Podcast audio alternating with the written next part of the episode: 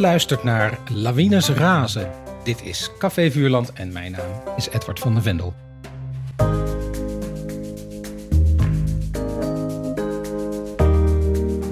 In deze podcast herlees ik klassieke kinderboeken met auteurs van nu.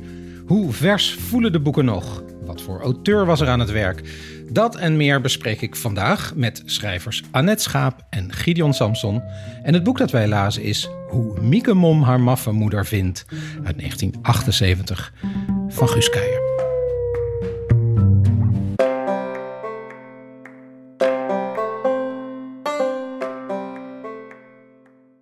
Annette en Gideon, welkom. Fijn dat jullie er zijn. Kunnen jullie voordat we het echte gesprek gaan doen, misschien eh, een heel korte eerste indruk geven van je leeservaring, Annette?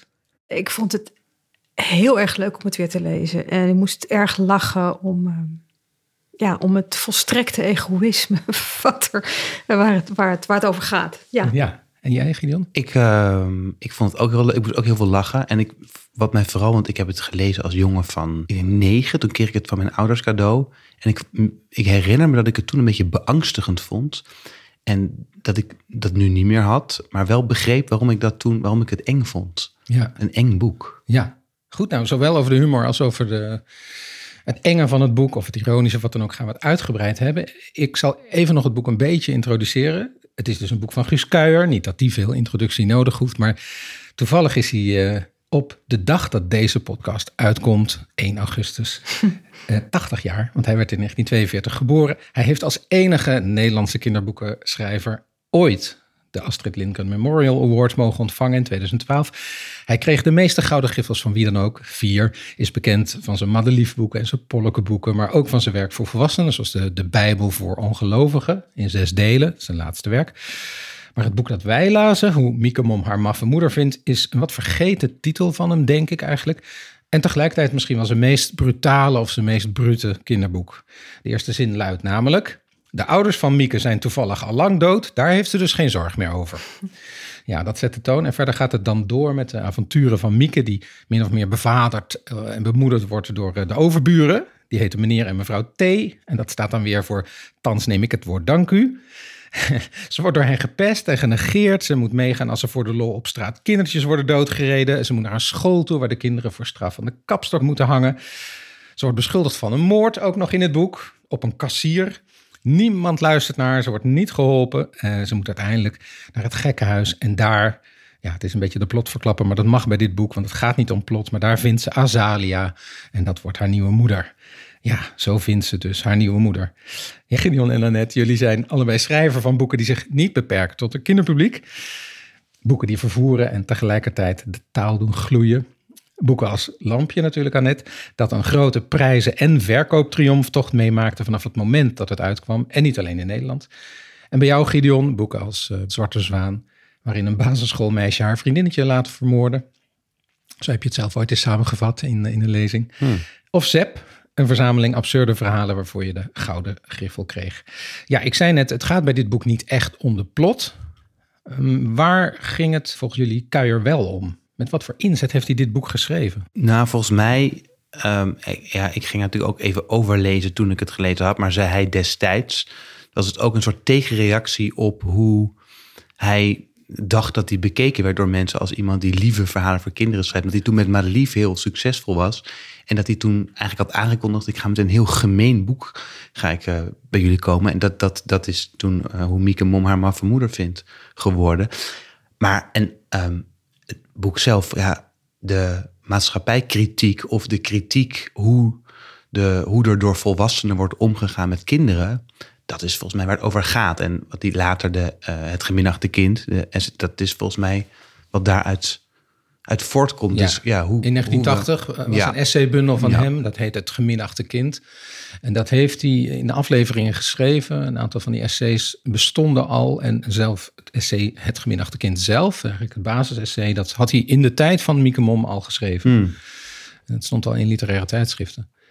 Dus daar, je, je zegt, daar, heeft het, uh, daar is het een uitwerking van of zo? Het, ja, de, de, de kritiek op, op de volwassenen, die, ja, die druipt er vanaf. Ik heb allemaal, ik ben allemaal aan, ik doe ik eigenlijk nooit in boeken, zit ik nu te denken, maar ik heb allemaal aantekeningen gemaakt in het boek. Ik dacht eerst van, kan ik dat wel doen? Ik had een soort van heiligschijn, maar aan de andere kant ook wel lekker. Maar ik heb allemaal zinnetjes gewoon gemarkeerd met, ja, waar die kritiek in zit. En dat is zo, en dat zijn, ja, het zijn verrukkelijke zinnetjes trouwens. Ja, doe er eens een paar. Een paar. ehm, ehm, hier, als het over de oude mensen gaat, eh, in de kreukels zeggen ze dan... eh, kreukels, vraagt Mieke. Ach ja, die oude mensen liggen toch zeker allemaal in de kreukels. Nou ja, over, ook over hoe, hoe we als maatschappij met oude mensen eh, Ja, want omgaan. Mieke wordt meegenomen naar een, eh, een bejaardentehuis, ja, en, heet. ja en, daar, en daar worden de mensen op...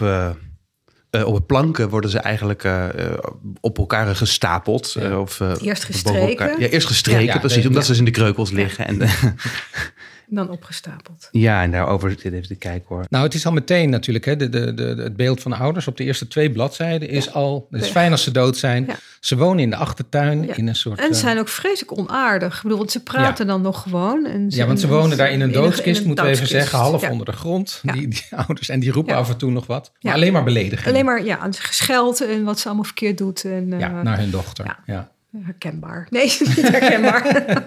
Nee. maar ik snap wel, het beeld dus, eh, spreekt me wel aan. Dat eh, veel mensen eh, hebben hun ouders, hun dode ouders, nog ergens zitten die alleen maar eh, nare dingen zeggen. Ergens in hun hoofd dan. Ja. Dus dat snap ik wel. Maar zo, zo emotioneel is het niet. Want er wordt niet echt ingegaan op hoe Mieke dat dan vindt. Er blijft er Nee, vrij, vrij ja, gemelijk, neutraal onder al dat geweld van die volwassenen. Ja, in het begin denk je, hoe kan ze hier niet onder bezwijken? Maar Ja. ze, nou, ze neemt het niet losjes aan, want ze vindt het wel erg, al die, eh, maar het is niet dat ze, dat ze depressief raakt of zo. Nee, Zeker niet. Ze ondergaat heel veel, viel mij Ja. op bij het lezen. Het viel me op dat ze zich niet verzet ertegen. Ja, wel een soort van verzet, maar uiteindelijk ook, zeker op het moment dat zij halverwege het boek wordt beschuldigd van een moord en eigenlijk in die hele molen komt Ja. richting uiteindelijk eh, het gekkenhuis, want dat is waar ze, waar ze eindigt. Zij ondergaat dat enigszins. Dat eh, overkomt haar en niet zonder nadenken overigens, want zij blijft wel de, ja, de kritische hoofdpersoon, dat wel. Alleen, ehm, dat is wel opvallend dat ze zich daar niet tegen verzet. Uiteindelijk het eindverzet, want ze wil losbreken daar. Dit is een dikke spoiler, maar dat, dat doet ze dan ook niet. En ze besluit dan daar te blijven, want Ja. Ze wil eh, dingen kapot maken. En dan wordt er ook gezegd van eh, dingen kapot maken, dat doen normale mensen. Ja, en dan, dan, dan, blijft ze daar. En dat, dat, wat me ook wel, vond ik wel opvallend, dat de ultieme vrijheid uiteindelijk eh, zit in het gekkenhuis en niet in het losbreken en in de wereld gaan verbeteren, maar een soort van En dat komt eigenlijk vrij, en dat viel me ook op. Dat is eigenlijk een soort einde wat je, wat je, wat je niet, wat niet verteld wordt. Dus nog helemaal, ze is nog helemaal anti en ze, ze leert steeds meer ja, bij, bij de gekken, wat eigenlijk een leuke plek is. Want daar is iedereen gewoon, eh, doet echt eigenlijk wat hij wil. Dat doen de volwassenen in de wereld ook, maar dan vallen ze elkaar niet, meer, niet zo meer lastig. Dat, die gekken dan. En zij mag dan, zij, worden, zij zijn aardig voor haar. Dus dan besluit ze te blijven. Maar dat besluit, dat krijg je niet echt mee. Dat hoor je dan. Nee, ja, en Ja. dat zit natuurlijk in de titel. Ja, dat, dat weet je Ergens dus weet je natuurlijk Ja. door die titel, Ja. ergens zal ze Ja. in dit boek haar moeder vinden. Dan, eh, nou, dat kan alleen maar dan. Maar het is een beetje en Dat zou je passant zeggen. gaat het. Maar eh, dat, maar goed. dat is inderdaad en Ja. passant. En ook omdat we net zeiden van ja, dat meisje ondergaat eigenlijk alles. Maar is het wel een meisje? Is het wel een echt meisje? Ik had toch het idee dat, het soort, dat het meer een idee is. Ja, meer ogen die, die, daar, die zien en, eh, en daar zijn. Niet een, iemand. Nee, ik bedoel dus dat het eh, in, in het verlengde van waar, Gideon, waar jij op doelde, misschien het essay wat hij schreef in het geminachte kind, dat het gewoon een, een boek is wat een soort allegorie is of zo. Ja, heel erg. Het is een aanklacht. Ja. Dit, het hele boek is dat. Ja. dat, dat eh, maar wel een heel geestige. En ook wel één, want dat is natuurlijk waar je, hoe je het ook went of keert, toch over gaat nadenken als volwassen lezer. Van, ik vind het een beetje suf. Vinden kinderen dit leuk? Want ja, het ene kind wel en het andere kind niet. En ik ben misschien wel een van de laatste die dat als een soort van argument voor een boek zou noemen. Maar toch, toch ben je daar wel mee bezig. En ik denk dat, dat er, dat dit, het is heel leuk, het is heel interessant. Niet alle kinderen heus niet, maar voor, ik vond als kind, ik weet niet of ik het leuk vond. Ik vond het dus eng, wat ik eerder zei. Ja. Maar ehm, Weet je nog hoe oud je was toen? ja, ik denk, dat ja, was? ja, je of een negen. Ik Ja. denk dat ik echt, ik heb die eh jeugdsalamander en ik zat erin te kijken. Dat is een heruitgave uit begin jaren negentig. Ik ben zelf in 1985 en eh na eerste druk 78. Dan zetten we dat die zevende druk als jeugdsalamander 1991. En ik denk ook dat ik het iets later, dus 293, ja, rond, rond die begin jaren 90 tijd gekregen heb. Als ik me niet vergis van mijn ouders, maar die wisten dat dus niet meer. voor een verjaardag of een behaald zwemdiploma na eindeloos zwoegen. Dat weet ik dus niet meer, maar nou, wel dat ik het kreeg. En dus ook dat ik het... Ja, ik, vond Guus Kuijer boeken wel heel leuk, maar de lief heel leuk. En Jonathan, de tranen, de tranen knallen uit mijn kop, dat vond ik fantastisch. Ook toen al. En dit niet. Maar ik het dus eng vond. Ja. Misschien, ja. Ik heb precies dezelfde ervaring. Ik heb, het, ik heb met Guus Kuijer opgelezen in mijn jeugd. Eh, en ik las dit toen ik ietsje ouder was dan jij. Dus ik dan was eh, 14 Ja. toen het uitkwam. Dus ik denk dat ik het toen meteen gelezen heb. En ik weet ook wel dat ik dacht, nou dit is gewoon raar. dit is gewoon een raar boek. Dan ben je al 14, ben je weer wat ouder natuurlijk. Ik vond het niet per se eng. Maar ik vond het niet warm en niet fijn. En, en, eh, terwijl eh, dat waren de boek- boeken van Guus Kuijer natuurlijk bij uitstek wel. Ja, nee, het is niet warm. Nee, daar Nee. kan er veel over zeggen, maar niet warm. Maar het grappige is wel dat hij zelf in een interview in NRC rond die tijd, volgens mij 1980, gezegd heeft eh, dat kinderen erom kunnen lachen en dat de, de volwassen mensen zich eh, er druk om maken. Wat hij toen eh Ja. buitengewoon aardig vond, dat Ja. dat zo was. Nou, ik heb inderdaad nog een ander eh, interview, het, Pa- het Parool in november, nadat het uitkwam. Daar zegt hij, Mieke Mom heb ik als slapstick geschreven. Nou, dat klopt wel bij Ja, het boek, denk ik. ik Ik heb de zaken geweldig overdreven. Er zit een beetje dit achter, zegt hij dan. Iets wat Theo Thijssen in zijn boek De Gelukkige Klas zegt. Dan dubbele punten. Dit is de manier om de wereld te verbeteren. Namelijk om niet te beven om de raadsels, maar te schudden van het lachen om de gekkigheid ervan. Dus het, eh, hij bedoelde het waarschijnlijk ook als van, nou mensen, kinderen, eh, vooral kinderen, de wereld is totaal verrot. Eh, Die volwassenen, daar, daar heb je niks aan. Niet voor niks is een titel van een van zijn andere boeken, Grote Mensen, daar kun je beter soep van koken. En eh, ja, we moeten er maar om lachen. Dus overdrijf het maar heel erg. Hij zei ook daarin, eh, op, over die kritiek, net wat jij nu net zegt, Gideon, eh, zegt hij, er wordt gezegd, Mieke Mom is niet geschikt voor de kinderziel. Nou, daar heb ik me nooit mee bezig gehouden. de kinderboekenwereld, hier komt hij, zit in een godsgruwelijke greep van de psychologen. Hmm. Kunnen we daar nog iets, eh, is dat nog steeds of is dat inmiddels wat, eh, wat losser? Ah. Het zijn een beetje, het zijn een beetje golfbewegingen, denk, denk ik. En eh, zo grappig dat hij dit in die tijd zei. Ik heb wel het gevoel, als je terugkijkt, eh, terug in de tijd, dat wel vanaf zijn eerste maat liefboek, dat er de, kinder, de kinderboekenwereld er zijn wel hele eh, eigenzinnige en originele boeken toen gezien en bekroond door volwassenen. En ik denk wel ook dat de kinderboeken toen heel serieus. Als je alleen al kijkt in de kranten, dat er hele katernen vol met eh, boekrecensies en zo. Bedoel, nu moet je, ja, dan moet je echt met een vergrootglas gaan zoeken. Dus alleen al het feit dat het serieus genomen werd, dat is, dat is denk ik al. Ja, maar goed, dat is. Als je ik zit nu te denken, als je dat toen zei, weet je natuurlijk niet dat het 20 jaar later of 30 jaar later, hele andere, koek- 40 jaar later al zelfs, een heel andere koek zou zijn. Nou, het zou kunnen zijn dat door dat deze kritiek gehoord is.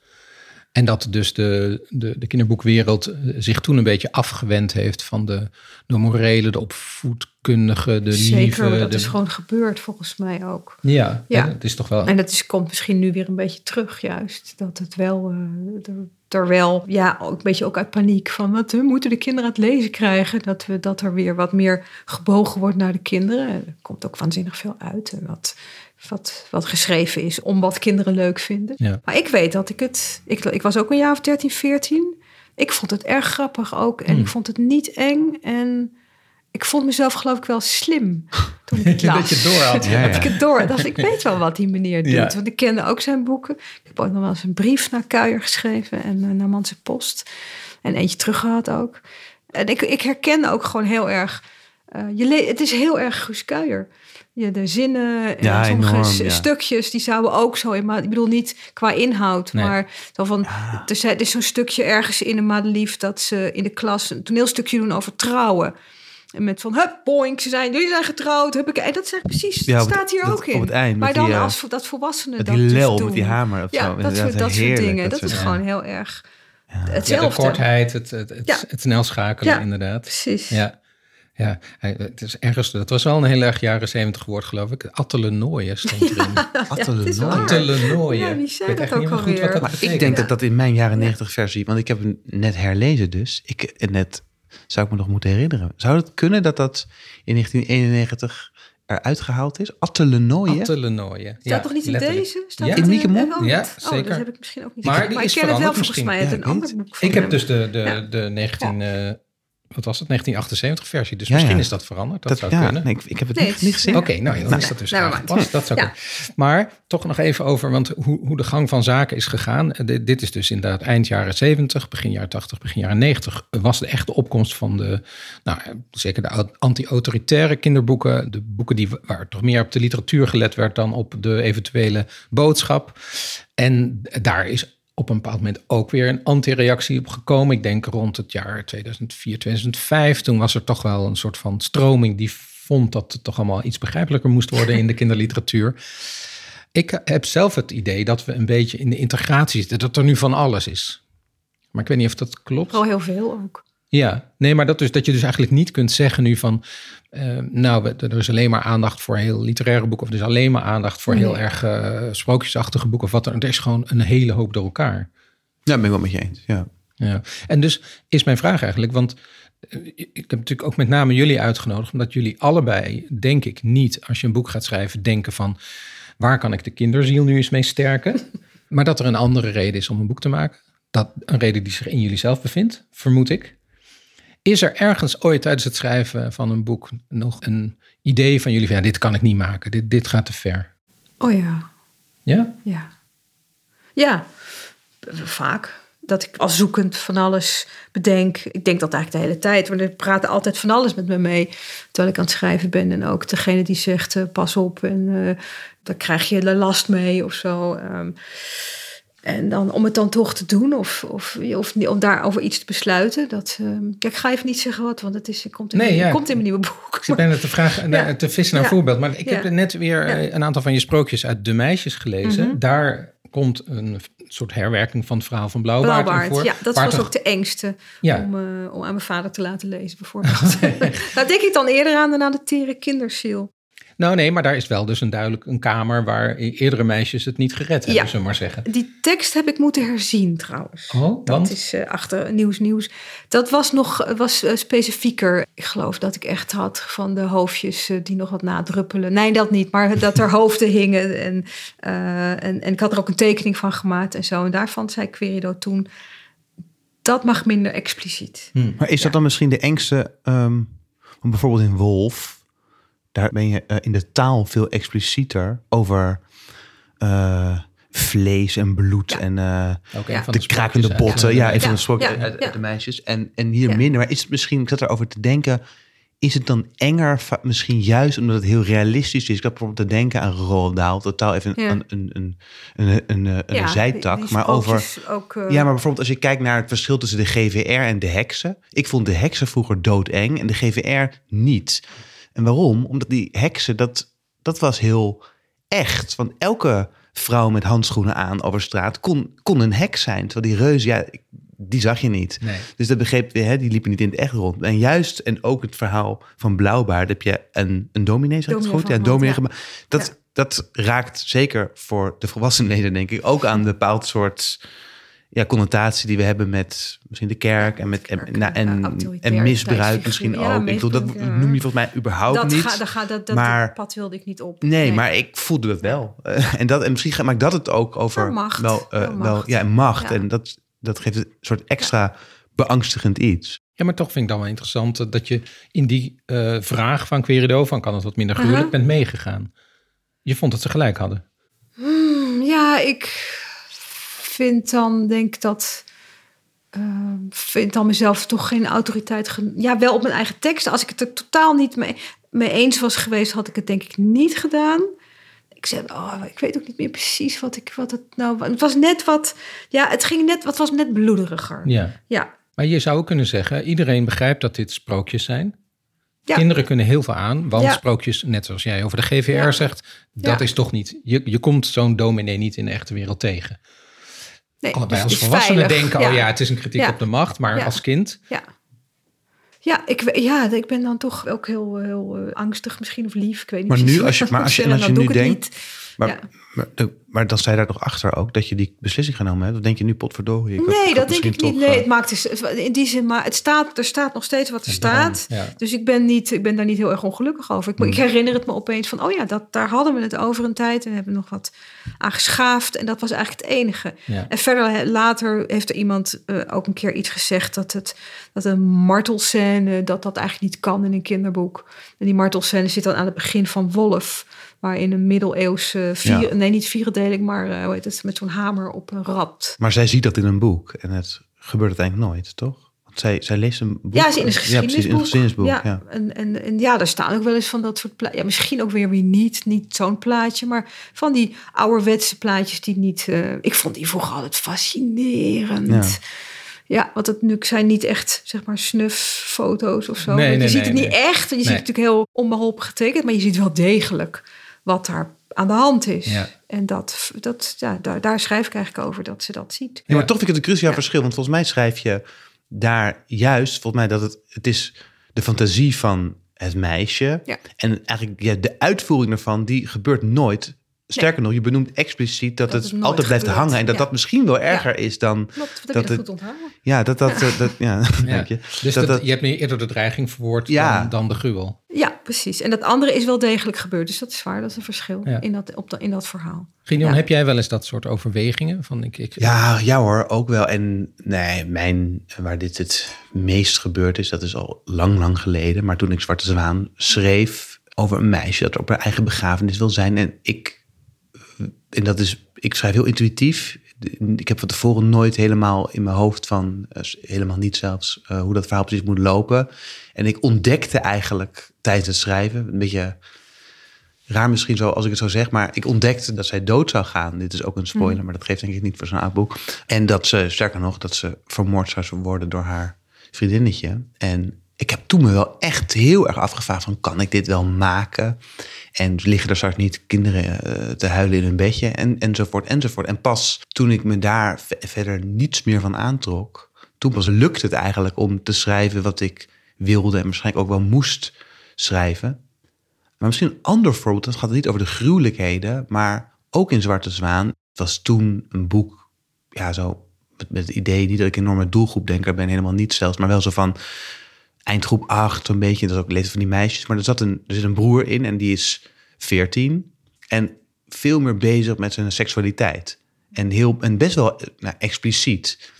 Of tenminste, hij, hij denkt daar wel over na. En dat, is, dat moet je ook een beetje tussen de regels doorlezen. Maar ik weet nog wel dat ik daar misschien nog wel meer moeite mee had. Ik dacht, kan ik dat wel doen in eigenlijk een achtste groepersboek? Weet je, een jongen die aan zelfbevrediging denkt of dat soort dingen. Of die naar porno kijkt. Dat zit er allemaal, het zit er, zit er vaagjes in uiteindelijk. Maar misschien, ja, ook zit ik nu te denken, weet ik eigenlijk niet meer zeker. Maar een beetje ingehouden heb, dat weet ik niet. Maar ik heb daar wel over getwijfeld of hij wel die rol mocht en kon hebben in het boek. En wat Anders- is dan precies de twijfel? De, de, de twijfel is dus niet van past dit bij het verhaal? Want dat is, het is gekomen. Het, het is in jou ontstaan. Of zijn karakter of zijn eh, handelingen zijn, passen in jouw hoofd bij dit verhaal. Dus wat, wat is dat?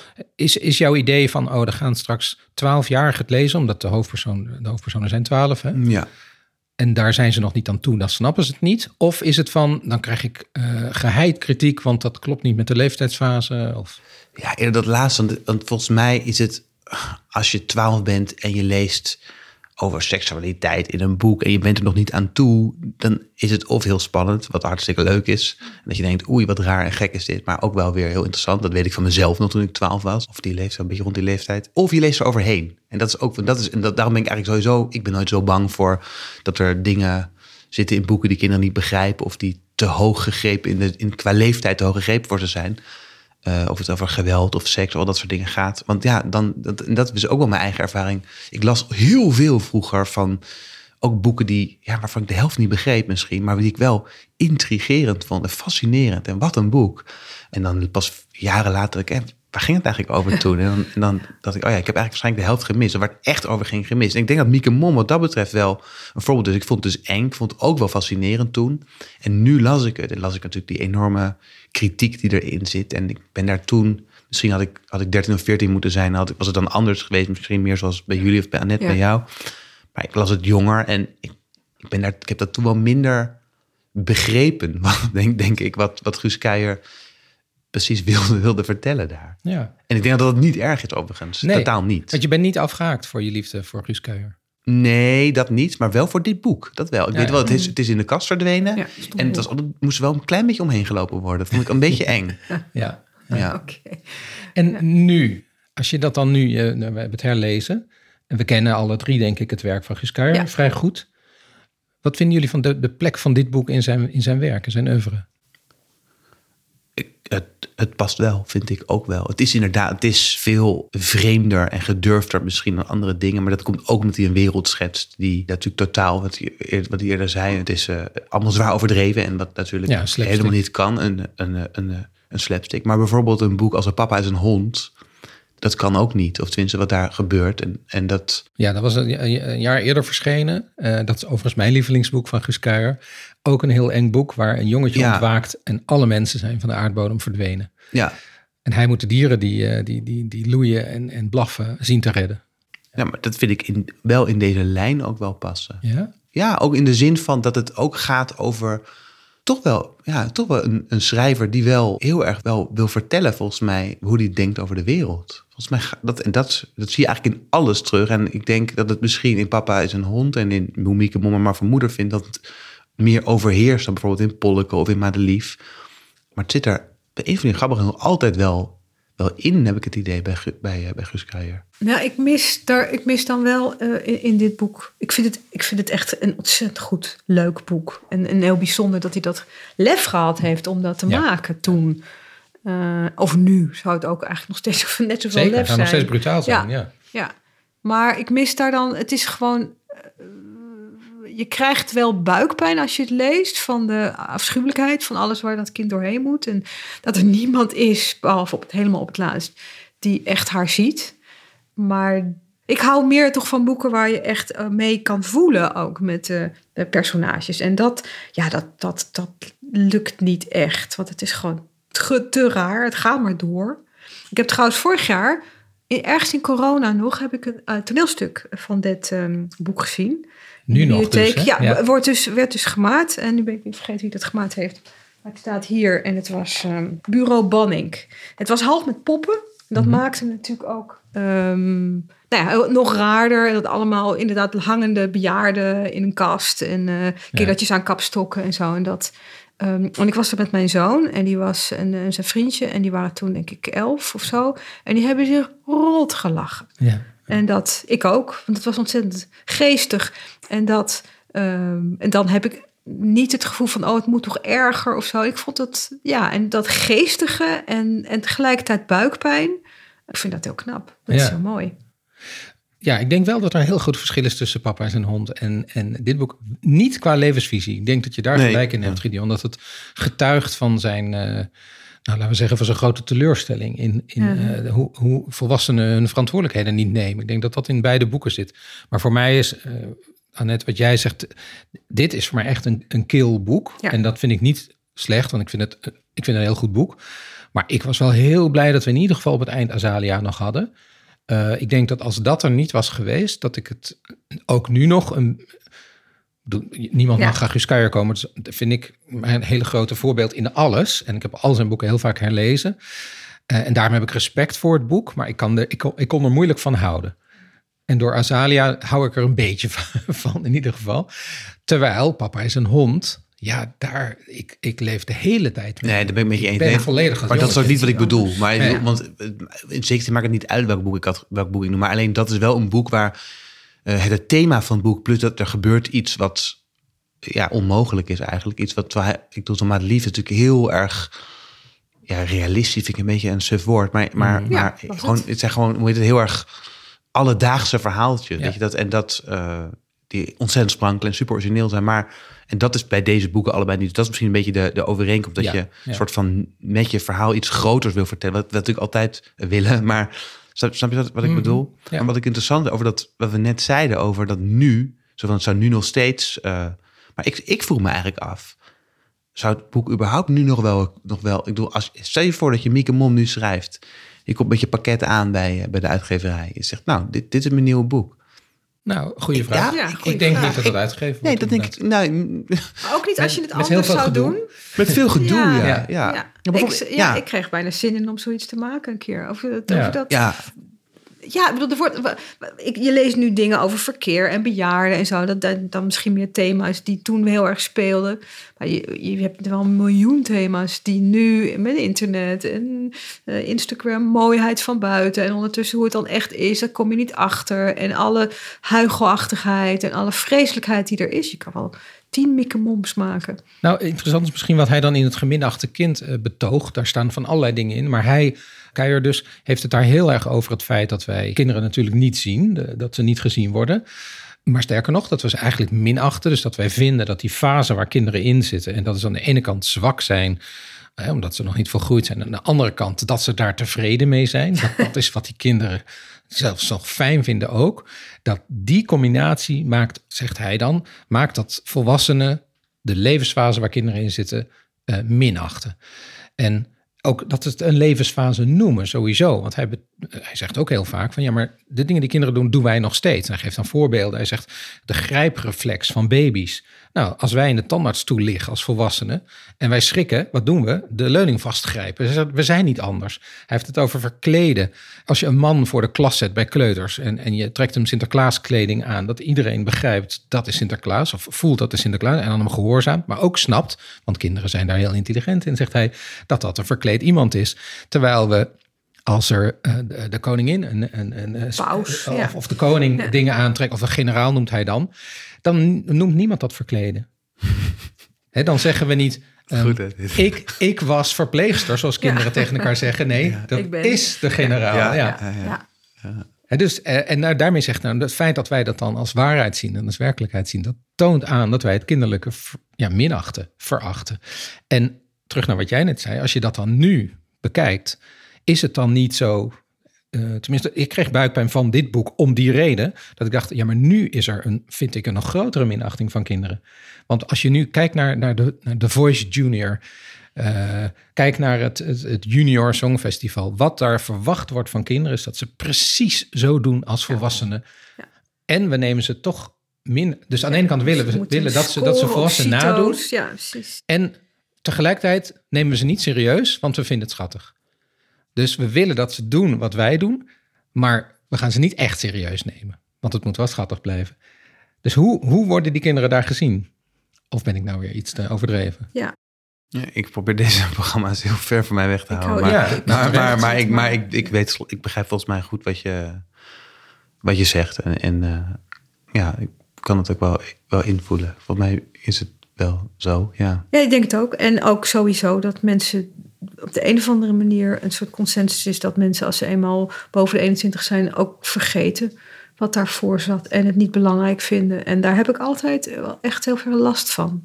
Dat dat niet omdat ik vind dat dat zo is, maar omdat, niet omdat ik me nog verkleed of nog van Sinterklaas hou, maar gewoon van wat ik toen was, dat ben ik nog steeds. Het is alleen, er zit meer omheen, er zit meer bij, maar ik ben dat niet vergeten. En ik geloof ook niet dat andere mensen, daar, daar, daar telt natuurlijk hetzelfde voor, alleen ze kijken er niet meer naar. Of ze doen alsof dat heel iets anders is dan hoe het nu allemaal is vanaf je 20ste, 25ste, dat het dan pas echt begint. Het is wel grappig, want toen ik, toen ik een kind eh, was, toen, en dat is volgens mij wel een beetje de cliché-gedachte die vele kinderen hebben, toen dacht ik, er gaat een leeftijd komen dat ik het allemaal weet. En ik wist niet precies wanneer dat was, maar wel van dat je volwassen bent en, en dan, dan, dan begrijp ik hoe de wereld in elkaar zit. Een soort van, terwijl volgens mij hoe ouder je wordt, hoe meer je eigenlijk ontdekt dat, dat, dat, er van, dat je er helemaal niks van weet. Alleen, er komen alleen, dat wordt dus steeds ingewikkelder, omdat er steeds meer informatie bij komt. Er zijn dus steeds meer dingen waar je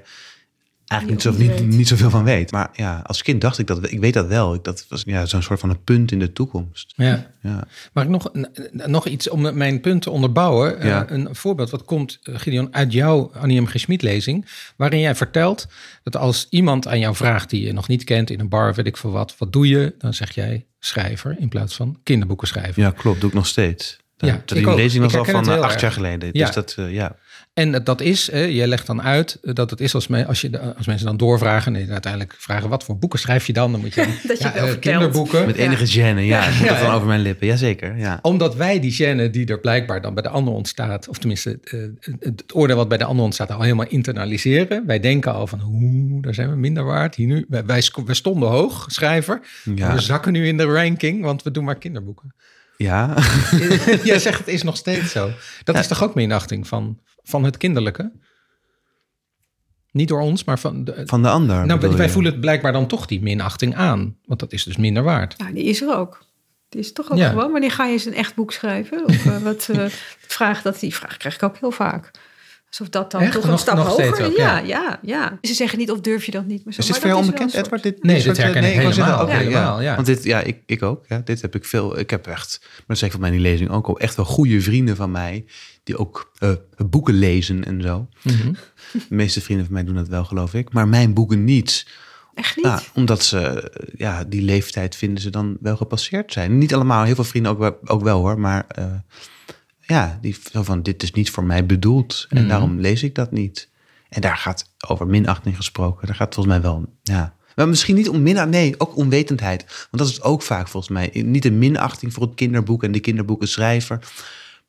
Maar ook gewoon een wereld waar heel veel mensen niet in thuis zijn. En dat is ook niet zo gek. Ik denk dat als ik zelf niet me in die wereld zou zijn gaan begeven, dan wist ik het waarschijnlijk ook allemaal niet. En dan was ik nu, ik lees nu, lees ik denk ik, ja, misschien wel 50 kinderboeken per jaar, zoiets. En jij volgens mij honderden, Edward. Ehm, dat denk ik altijd, dat je heel, heel, veel- heel veel boeken leest, ook heel veel van collega's. maar ehm, ik denk dat ik, als ik niet in deze wereld zat, dat ik dat niet zou doen. En dat ik misschien niet zo goed wist wie Annette Schaap was en wie Edward van de Vendel was. En misschien die, die twee dan nog net. Maar een hele hoop andere, ook vreselijk goede schrijvers, die het zeer verdienen om ook als je 23 of 38 of 57 bent, om daarvan eh, werk te lezen. Dat zou ik denk ik niet doen. En ik zou er niks van weten. Niet, Nee, maar ja. ik begrijp nog dat je eh, gewoon helemaal niet in dat gedeelte van de cultuur zit als volwassene. Dat je dus niet weet dat, dat eh, bij heel veel kinderboeken eh, nou ja, e- even literair zijn als andere boeken. Dat, dat snap ik nog wel. En ik vind, ik vind ook niet, ik zou nu niet een pleidooi willen houden van, eh, oh, wij arme kinderboekschrijvers, wij worden niet goed gezien. ja. Ik vind het een hele prettige positie. Maar, eh Gideon, wat jij ook zei, dat vond ik heel mooi in die, in die lezing, was je zei, ik, ik, mijn intentie is nooit geweest om alleen maar kinderboeken te gaan schrijven, maar ik schrijf en de hoofdpersonen zijn jong. ja. Zeg ik dat goed zo? Eh, Of die bevinden zich in dat terrein? Ja, ik denk dat ik dat wel gezegd heb, ja. Ja, dat klopt. Ja, omdat, maar het heeft ook te maken met dat intuïtief wat ik eerder zei. Ik heb niet echt een doel of een soort van plan of zo'n plan van aanpak van dit is nou eens wat ik ga doen. Ik doe wat, wat, wat me overkomt of wat me blijkbaar een soort van bezighoudt. En het is ook een beetje toevallig hoor, maar ook dat voert misschien wel iets, wat te ver om daar nu enorm over te, gaan, te gaan praten. Maar ook gewoon hoe ik in, in kinderboeken terechtgekomen ben omdat het toevallig, of niet toevallig, maar ik was 20 of 21 en ik had een verhaal geschreven en de hoofdpersoon ja, was een jongen van negen. Ik weet niet goed waarom. En echt niet omdat toen ik dat schreef dat ik enorme ideeën had van ik wil kinderboekenschrijver zijn of, of, Nee. of, of, of me de rest van mijn leven met kinderboeken gaan bezighouden. Maar ik, ik schreef ook wel andere dingen in die tijd. Heel veel shit overigens. En ik heb heel veel daarvan toen gelezen. Gewoon op, gewoon op eh, dit is het, dat ik op een gegeven moment een, dan gewoon oude blaadjes en dingetjes van jezelf gaat lezen. En dit sprak me aan. Waarvan ik dacht, hé, hey, dit is echt. Hier gaat een bepaald soort van waarachtigheid van uit. Dat zou iets moois kunnen worden. En klinkt een beetje raar als ik het zeg misschien, maar voor mijn gevoel wel een soort van toevallig de kinderboekenwereld ingerold. En niet met een vooropgezet idee, een eh, soort van plan van dat is wat ik wil en wat ik moet gaan doen. Nee, Helemaal maar de niet. kern van wat je zegt is nu toch dat je voelde, daar zit een waarachtigheid. Ja, dat zeker. Ja, klopt. Ja. Dus dat zit dan toch in het jong zijn, in het eh, nog niet heel veel ervaring hebben in de wereld. Mm. Blijkbaar niet in eerste instantie met reflectie bezig zijn, maar met actie. Want dat is wat kinderen natuurlijk meestal hebben. Ja. En dus da- daar heb jij van gevoeld, dit is werkelijker dan andere verhalen die... eh, die Ja. ik- en nu nog steeds, jullie kunnen toch ook allebei, en wij alle drie, besluiten... we gaan morgen een roman over een 70-jarige Als schrijven. ik dat interessant zou vinden. Ja. Ja. en waarom, bijvoorbeeld, hoe, hoe geldt dat Ja. voor jou dan? Ik, wil het, ik heb nooit iets anders gewild. Ook als illustrator niet, maar zeker niet als schrijver. Omdat ik daar vind ik het interessant voor mij. Wat eigenlijk ehm, door de ogen van het kind kijken, misschien wel naar de wereld van de volwassenen en andersom. Ook de, de relatie tussen ouders en of kinderen en volwassenen, die vind ik heel erg interessant. En dat weet ik ook nog heel goed van toen ik zelf kind was. En ook dat ik dat las. En dat daar mijn, ja, daar was dan eigenlijk meer de wereld dan in de echte wereld voor mij. Dat vond ik niet zoveel aan. Eh, en zo leerde ik ja, door, door al die edu's en eh, andere, misschien ook wel uit de, de meester van op je kop in de prullenbak en zo, dat soort dingen. Dat zo vanuit die blik ook naar volwassenen, ehm, dat ik daar naar kon kijken, dat heeft me gewoon heel erg, eh, ik weet niet, geholpen, geraakt. Dat vond ik altijd heel erg belangrijk. En ik heb nooit iets anders willen doen dan Maar kinderboeken. Maar precies ook daar eh, boeken waar de hoofdpersoon dan toevallig een kind is. En boeken Ja. voor mensen, zoals Jaap Robben eh, zegt, geloof ik. Mhm. Niet speciaal alleen maar voor kinderen. En sterker niet. dan dat, je, je zoekt er ook dingen mee uit over jezelf. Ja, Enorm, dat is het. ja, dat tuurlijk. is het ook. Dat is, dat is ook wat ik eh, interessant vind. En je- dat is de taal daarvan. Nou, is dat zo? Komt het alleen door de taal? Of komt het Nou ja, maar de taal van het zoekproces of zo. En Oh, dat zo, komt dan ja. een soort, komt dan een verhaal uit, stukken verhaal. Er is altijd wat te zoeken, er is altijd wel wat te vinden. Hebben jullie ook het idee dat we, eh, nog weer een beetje in de lijn van Keijers kritiek, dat wij het, het kinderlijke, of laten we nu zeggen het kinderlijke slash waarachtige, zoals jij het eh, nu noemt, Gideon, dat wij dat moeten verdedigen of zo tegen iets anders? Tegen wat dan? Nou, tegen bijvoorbeeld cynisme of eh, eh, hardheid of dat- soort, dat soort zaken. Maar bedoel je in, In de wereld. in, Nou. in, de, in de kinderboeken? Of in de... Nee, nee, ik denk eigenlijk door ons. Wij eh, schrijven onze boek met volwassen inzet. Hè, dat Ja. doen we niet omdat we ons kind voelen als we aan het schrijven zijn. Nee, we Mhm. zijn daar heel erg over nadenken. We proberen zo literair mogelijk en zo helder mogelijk te schrijven. Dus wij, wat wij doen, en wij hopen ook, ook, ook dat eh, hebben jullie denk ik allebei al eerder gezegd, dat niet alleen kinderen dat lezen, maar dat Ja. ook volwassenen dat lezen. Ja. We kiezen dus voor een soort waarachtig universum, waarbij de hoofdpersonen jong zijn, nog niet heel veel hebben meegemaakt, dingen aan het op de meest pure manier aan het ervaren zijn, de wereld nog aan het vormgeven zijn, als je het heel eh, geëxalteerd zegt. En wij zouden ook theoretisch kunnen schrijven. We zouden ook eh, eh, kwaad volwassen kunnen schrijven. We zouden ook mee kunnen gaan in het populisme, allemaal dat soort zaken. Is, Dat doen we niet. dat doen we dus niet. Wij, wij blijven dus kiezen voor deze boeken, voor, voor het kinderlijke slash waarachtige. Terwijl we dus in een wereld zitten die dat misschien niet helemaal serieus neemt, is dat toch bijna een soort actie van ons. Ja, leuke, zachte, kleine. Nee, Ja. dus ja dit is, is, Ja, maar ik, ja, ik, ik, ik, ik zit te denken, maar Ik ik, het ik, het grap, ik volgens mij, als ik hier te veel over ga nadenken, dan word ik ook cynisch. Want dan ga ik dan dus, ik probeer altijd dit soort, de waarom gedachtes, of eh, die probeer ik toch altijd een beetje buiten de deur te houden. Omdat ik, als het over die waarachtigheid gaat, dan merk ik dat leidt mij te veel uiteindelijk af van wat ik aan het doen ben. En het is een beetje, ik kan ook nooit zo goed, als mensen vragen van waar gaat je nieuwe boek over of zo, dan denk ik, ja, waar gaat het over? Waar gaat het over? dat weet ik niet. Nee. Eh, ja, eh, dat moeten we nog gaan ontdekken. Terwijl ik dan al wel, bij wijze van spreken, 160 pagina's ervan geschreven kan hebben. En daarna weet ik het vaak wel, of met hulp van anderen, of weet ik niet. Maar wat jij nu zegt, als ik daar te veel volgens mij over ga, ga denken, dan nou, dat is ook wel een reden om misschien wel om te blokkeren of niet meer te gaan schrijven of te denken, ja, waarom eigenlijk? Dus ik probeer dat altijd een beetje, een beetje van weg te blijven. Ja, ja. juist. Ja, Snap je? ja maar wij krijgen allemaal de vraag eh, waarom we niet voor volwassenen schrijven. Toch? Die hebben dat, of wanneer ga je nou zo, wat je net Ja. zei, wanneer ga je nou een boek voor volwassenen schrijven? Dan is daar toch een soort antwoord, al is het maar in ons eigen hoofd eh, op, of niet? Jawel. eh, maar ik ben daar ook wel milder in geworden, geloof ik hoor. Ik weet wel dat zo'n zo'n fase als schrijver geweest. Ik schrijf nu dus 15 jaar boeken voor kinderen. En, en inderdaad, zoals Ja dat zegt, voor wie het maar lezen wil. Ehm, voor mensen, zoals hij dat zei. En er is wel zo'n fase in geweest dat ik dan inderdaad daar heel, heel boos. Maar ik ben wat ik zeg nu. Het is ook soms een soort van onwetendheid van mensen. En dat ik daar ook wel begrip voor heb voor die onwetendheid. En eigenlijk de vraag ook wel toch wel snappen of zo. En ik wil misschien ook wel boeken die meer voor volwassenen zijn of bedoeld of louter voor volwassenen.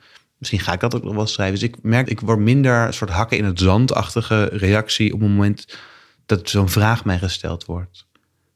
Misschien wordt hij me ook wel minder gesteld. Ik zit even te denken. Ik weet het niet. En misschien wordt hij minder gesteld de laatste jaren. Maar dat komt omdat ik natuurlijk ook minder boeken schrijf. En omdat je ook wel voor volwassenen hebt geschreven. Onder pseudoniem dan wel eens. Ja, ja oké. maar dat, dat is... Col- columns, ja, hè, dat, ja. columns, dat is toch wel, dat is wel anders. Een Ja, soort van, ja, nee, dat begrijp ik. Ja. ja. Ja.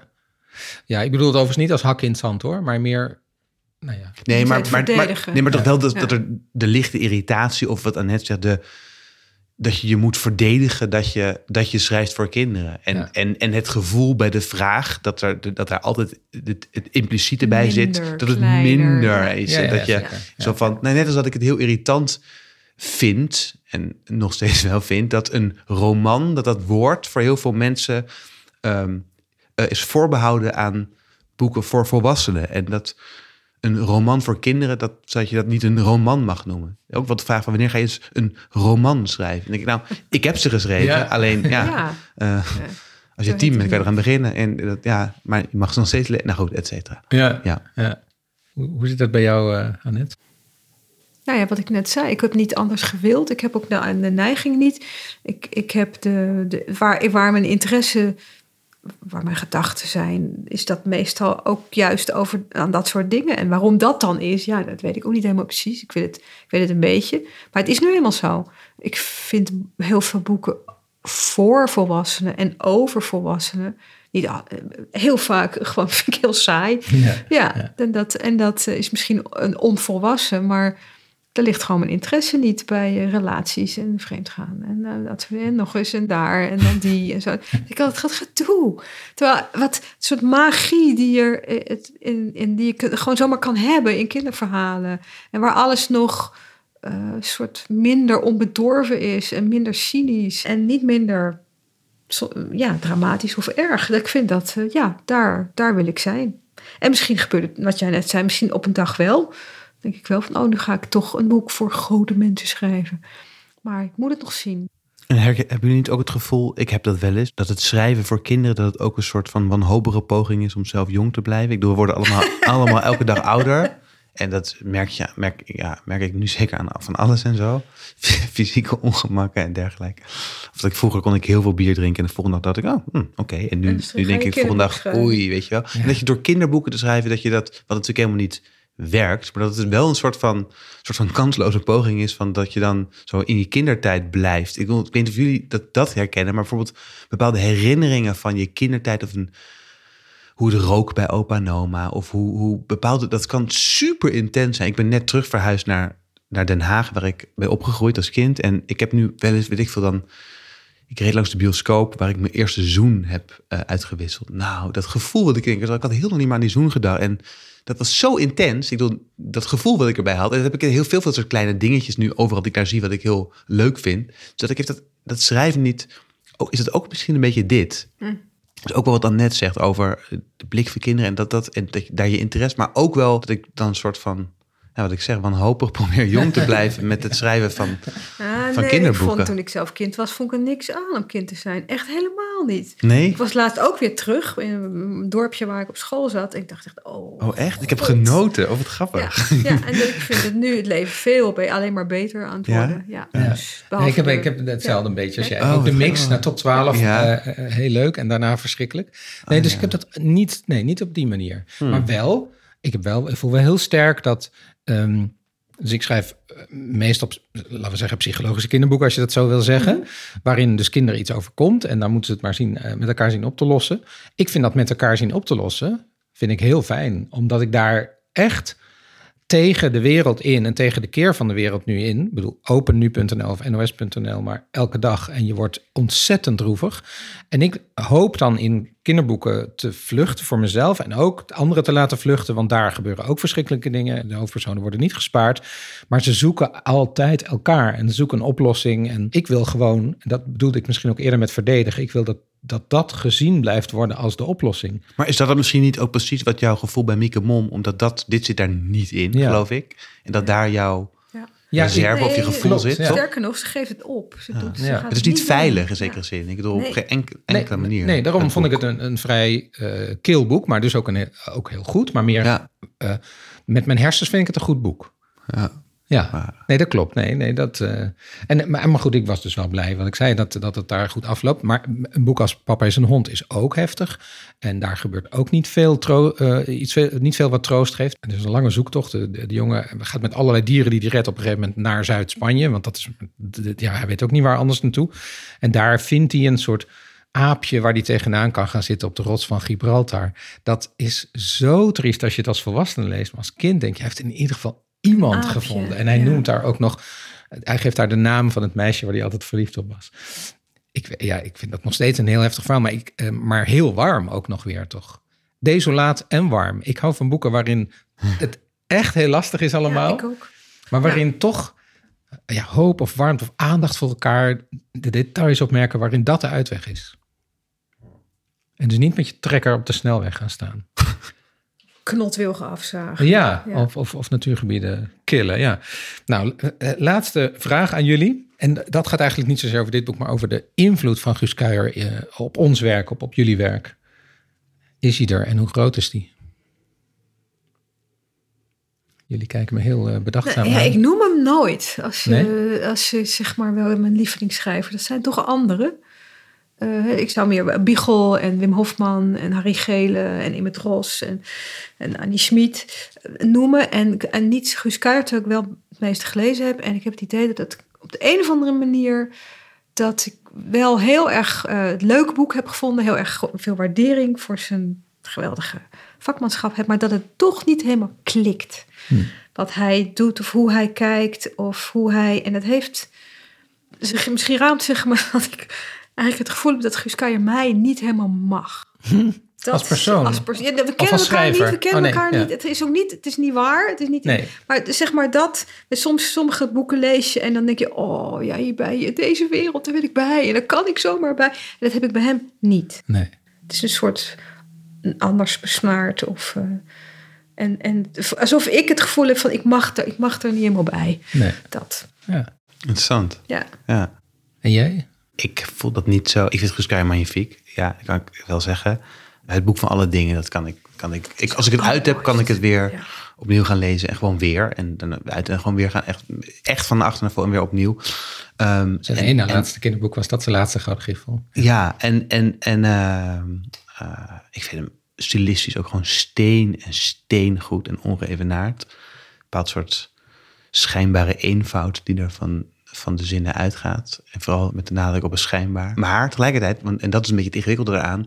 Ik uh, noem hem ook niet altijd dat ik misschien wel zou moeten doen als mensen vragen van qua voorbeeld of lievelingsschrijver en dergelijke. Maar dat heeft ermee te maken dat toen ik debuteerde, dat ik al snel een uh, soort van werd vergeleken met, met hem en de nieuwe Guus En dat, is, dat, en dat geeft ook altijd, als dat soort dingen gezegd worden, een beetje een een soort ingewikkeld iets. Terwijl ik denk dat ik, wat ik doe heel anders is. En daarbij is eh, op een gegeven moment, dat, wil je ook niet zo of zo. En, of je bent op een gegeven moment bijna bang dat mensen, terwijl dat is totaal niet waar. Ik weet dat toen ik debuteerde en ik had toen geskuier, de laatste keer dat ik dat las, was jaren terug. Nou, toen ik ja, een kind van 11 of 12 was. Of zo. En pas daarna, als, als schrijver en ook nadat al die vergelijking kwam, toen ben ik het weer gaan herlezen en gaan herwaarderen.